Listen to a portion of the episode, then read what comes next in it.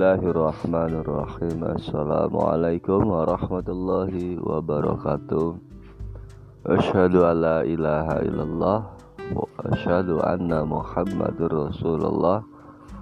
Allahumma salli ala sayyidina Muhammad Wa ala ali sayyidina Muhammad. Pemirsa Torikot kita yang Allah muliakan.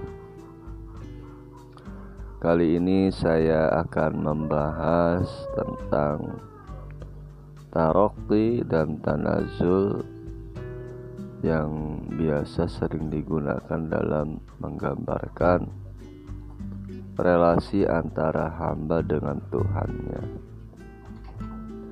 Tarokti dan tanazul merupakan proses sebab akibat yang terjadi antara sang pencari dan yang dicari antara yang pencinta dan yang dicintai atau antara abid dan mabud. Taroki diartikan sebagai perjalanan spiritual seorang hamba dalam upaya pendaki mendekati Tuhannya Sedangkan tanazul ialah respon positif dari Tuhan terhadap upaya yang penuh dengan kesungguhan atau mujahadahnya seseorang hamba yang digambarkan seolah-olah Tuhan turun menjemput kekasihnya. Paroki bisa melalui berbagai bentuk ibadah mahdah atau media pengabdian sosial yang penuh keikhlasan. Substansi tarofi adalah mujahadah seorang hamba yang penuh keikhlasan dan tawakal sehingga betul-betul seluruh harapan dan tujuan hidup tertuju kepada Allah Subhanahu wa taala. Sedangkan substansi tanazul ialah Allah Subhanahu wa taala menampilkan sifat jamaliyahnya, kelembutannya dan kasih sayangnya kepada hambanya. Cepat atau lambat, tinggi atau rendahnya pendakian seorang hamba itu sangat tergantung kepada intensitas mujahadah seorang pendaki. Intensitas taroki juga ikut menentukan intensitas tanazulnya Tuhan. Jika sang pendaki lebih cepat tentu lebih cepat sampai kepada tujuannya. Jika sang pendaki konsisten, istiqomah, maka tidak mustahil akan mencapai tujuan lebih cepat dari waktu yang diperkirakan. Namun tidak gampang melakukan pendakian itu karena di sana sini itu banyak godaan, banyak ujiannya, banyak halangan dan rintangannya. Semakin tinggi tingkat pencarian seseorang, semakin berat pula halangan, cobaan, dan ujiannya. Oleh karena itu, Allah Subhanahu wa Ta'ala memberikan penghargaan kepada hambanya yang selalu mengupayakan pendakian.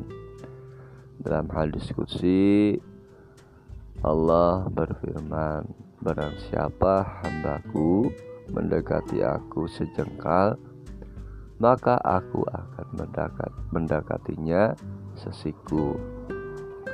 Barang siapa mendekatiku sesiku, maka aku mendekatinya sedepan dan seterusnya.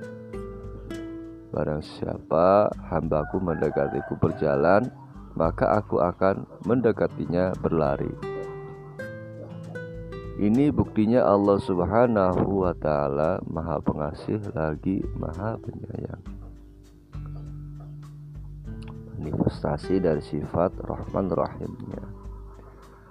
Nah, kiat-kiat untuk menjadi seorang pendaki eh, tentu pertama kali harus mengamalkan dengan baik seluruh rangkaian ajaran-ajaran yang ia terima secara komprehensif dengan penuh keikhlasan, ketulusan, dan kepasrahan. Setelah itu, sang pendaki harus melengkapi diri dengan aksesoris spiritual seperti mulut dengan zikir, eh, merawatnya dengan zikir ya, baca Al-Quran, dan tidak bicara melainkan kebenaran, bermakna, dan menjauhi kebohongan, kepalsuan, kamuflase, kemunafikan, ledakan amarah, mengumpat dan menfitnah, serta merawat telinga dengan mendengarkan lantunan bacaan Al-Quran, syair-syair, dan lagu-lagu spiritual yang mendekatkan diri kepada Sang Holik yang Maha Terpuji. Merawat pikiran dengan positive thinking dan logika yang lurus dan merawat hati dengan zikir kolbu, muhasabah, tafakur dan tazakur. Langkah selanjutnya ialah istiqomah di dalam melakukan amalan-amalan utama atau beriadoh kepada Allah Subhanahu wa taala. Sedapat mungkin tidak meninggalkan ibadah-ibadah sunnah. Mencegah agar dirinya tidak terkontaminasi oleh pikiran-pikiran liar keinginan nafsu, syahwat, dan lain-lainnya. Syukur kalau dapat mengamalkan sholat-sholat dan puasa-puasa sunnah. Setelah semuanya ini menjadi rutin, maka secara, otak, eh, secara otomatis akan ada kekuatan spiritual yang bekerja di dalam diri untuk melanjutkan kebiasaan itu. Maka selanjutnya yang bersangkutan akan berada pada posisi dan keadaan tidak mampu lagi membedakan antara ibadah-ibadah sunnah dan wajib. Jika ia meninggalkan ibadah sunnah, perasaannya seperti meninggalkan ibadah wajib. Nah, jika misalnya meninggal, meninggalkan salah satu wirid rutinnya, maka seperti ada sesuatu yang hilang atau kurang di dalam dirinya. Seperti rasanya kalau meninggalkan ibadah fardu. Ini artinya yang bersangkutan sudah melakukan taroki dan yang di sana sudah melakukan tanazul. Sebentar lagi akan ada pertemuan. Wallahu a'lam bishawab. Labbaik Allahumma labbaik Labbaik la syarika lak labbaik Labbaik Allahumma labbaik labbaik la syarika laka labbaik itulah pemirsa uh, penjelasan singkat dan sederhana tentang taroki dan tanazul semoga bermanfaat. Assalamualaikum warahmatullahi wabarakatuh